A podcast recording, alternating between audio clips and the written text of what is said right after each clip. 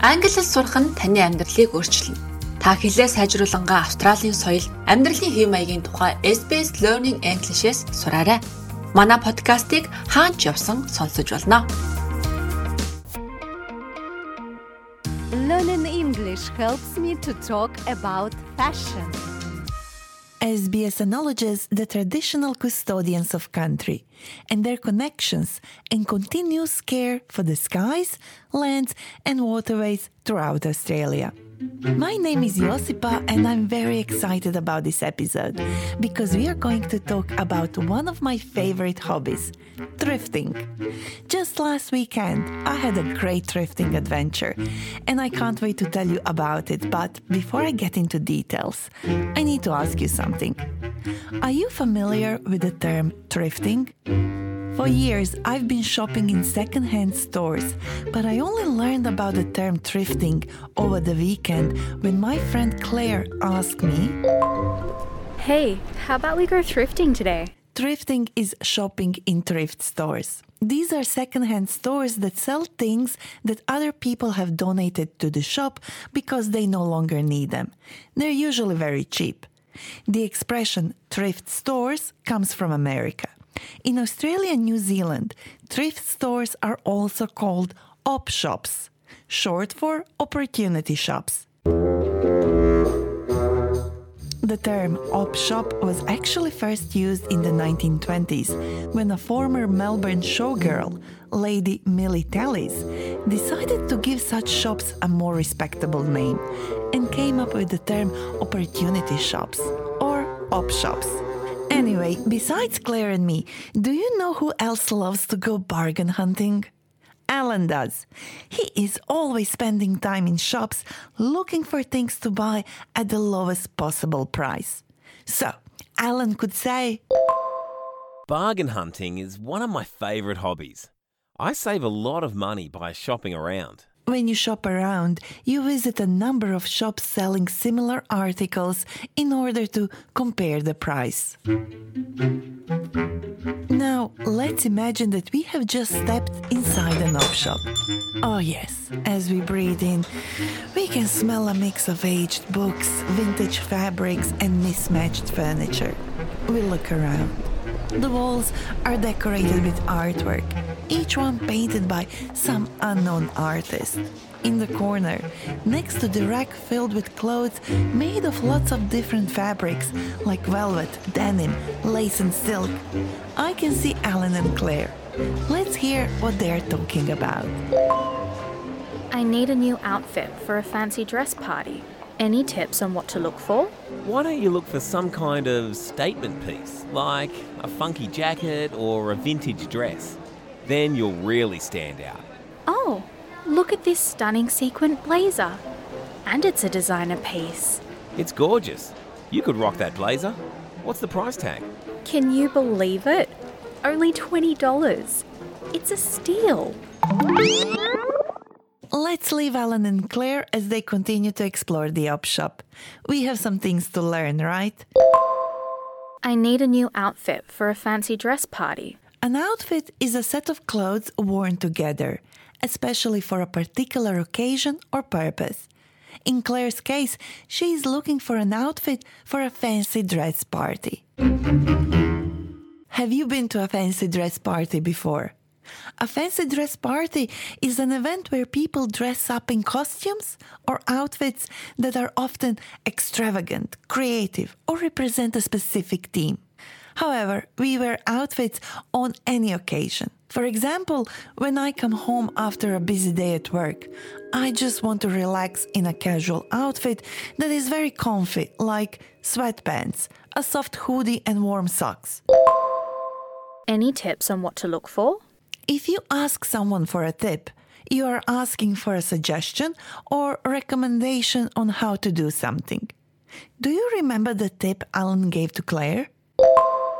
Why don't you look for some kind of statement piece, like a funky jacket or a vintage dress?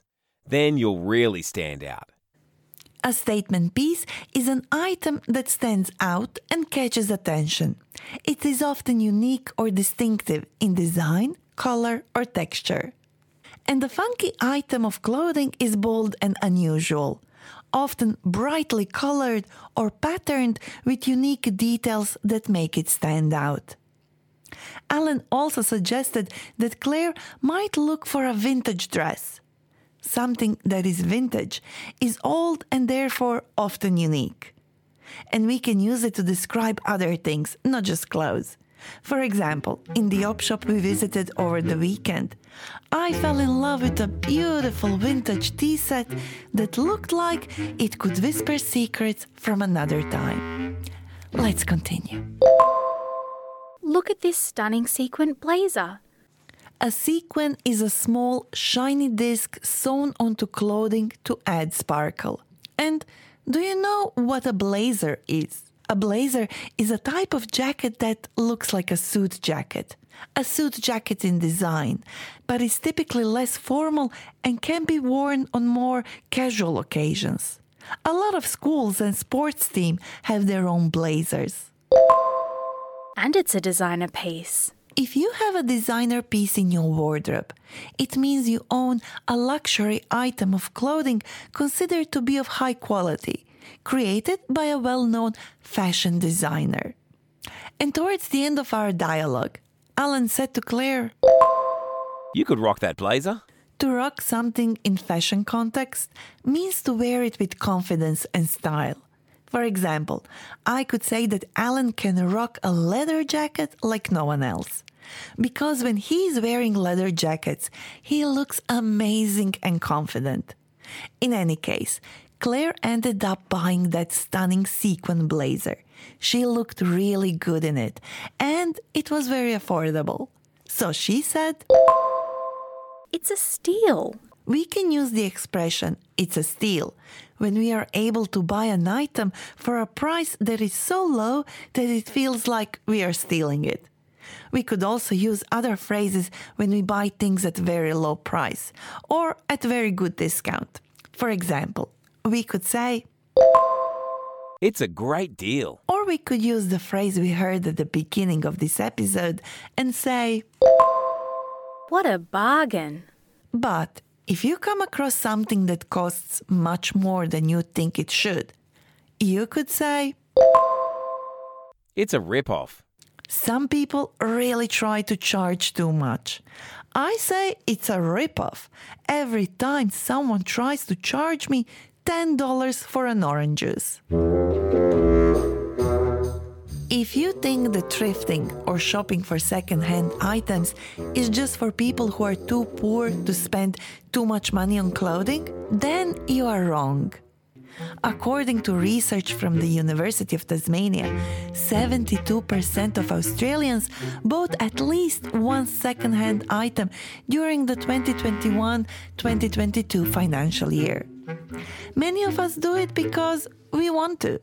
We want to buy a piece of clothing that we don't already have, but we don't want to support fast fashion. Fast fashion encourages us to buy clothing that is cheap, quickly made, and follows the latest trends that change very quickly. And this is not good for the environment because it means we have to throw away our old clothes which are no longer in fashion. So, we could say, Fast fashion promotes a throwaway culture. A throwaway culture is when we throw things away and replace them with new things rather than reusing or repairing them. When people buy new clothes and throw away their old ones all the time, it also causes a lot of textile waste. Let's say you have a friend who is a big consumer of fast fashion and you want to persuade them to kick their fast fashion habit. You could tell them, You should give slow fashion a try. It's all about choosing clothes that are made to last. And have you heard the term circular fashion? Circular fashion is about minimizing waste, reducing the use of new resources, and promoting recycling and upcycling. Recycling is when we turn used materials into new products, while upcycling is when we find creative ways to give old things a new purpose or make them better. I like circular fashion because it's all about recycling and upcycling. Now I know what you're thinking. Repairing clothes or any other items, unless you know how to do it yourself, can sometimes cost more than buying something new. But my guest today, Wendy Dwyer, has a solution. Hi, Wendy, thank you for joining us. It's a pleasure, Josepha. I'm very pleased to be here. Wendy, on the first and second Sunday each month, Yes. you volunteer at Repair Cafe. Yes. What is the Repair Cafe concept? So it's like a meeting place of skilled volunteers and people who've got broken items, and they'll come along and they'll get some help to get the items repaired. So anyone can just show up and bring their items to be repaired? Each repair cafe is different. So for our repair cafe, which is called Repair Cafe Sydney North, so it really depends on the skills of the volunteers. So we have five major repair areas. One has to do with electrical household items. So things like toasters, blenders. These are some of the very common items. And then there's the whole the whole area that deal with sewing. So people might come around with clothes that's got holes in it, or they got broken zipper that they don't know how to replace. Then the third area has got to do with jewelry. Uh, folks also bring along like ceramic items that's cheap, or sometimes glassware. So that's the third area. The fourth area has got to do with shoes, umbrellas. It's amazing how many umbrellas we fix during rainy season, where, you know, uh, you know, you don't pay much for the umbrella, but it breaks easily. so that's another item, and also leather goods, uh, leather bags that they want just stitched up. Uh, and the last area is a sharpening area where we help and uh, help people to sharpen the garden tools and their knives. So those are the five key areas.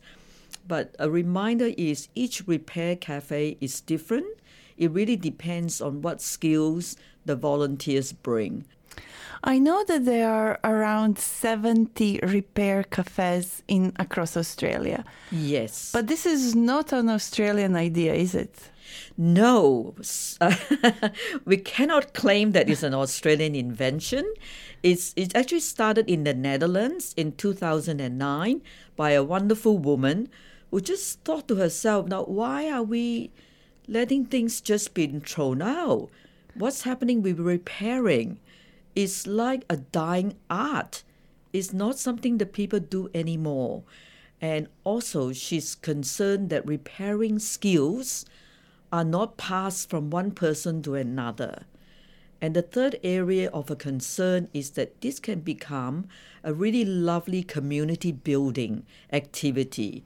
It doesn't matter what your background is, what your racial background, language background, you can come together and there's a social, lovely social interaction happening between the repairers and the people who come along with their broken items. Thank you so much. It's time for practice. See if you remember the meaning before hearing the answer. What is bargain hunting?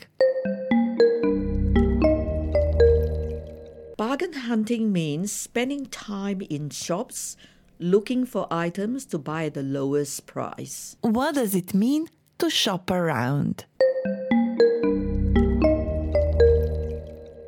To shop around means something that you do. You would just be looking around. You go from one shop to another shop, and you're checking out on the prices of those items. Now let's practice by repeating after Alan and Claire. This stunning sequin blazer is a designer piece. You could rock that leather jacket. Fast fashion promotes a throwaway culture. You should give slow fashion a try. We have many more phrases listed on our website. And if you want to learn more expressions to talk about sustainable living, have a listen to our episode named Talking About Recycling. You know that we love when you reach out. You can find us on Facebook. I'm Josipa. Thank you for learning with me. This was an SBS Learn English podcast. Subscribe so you don't miss an episode.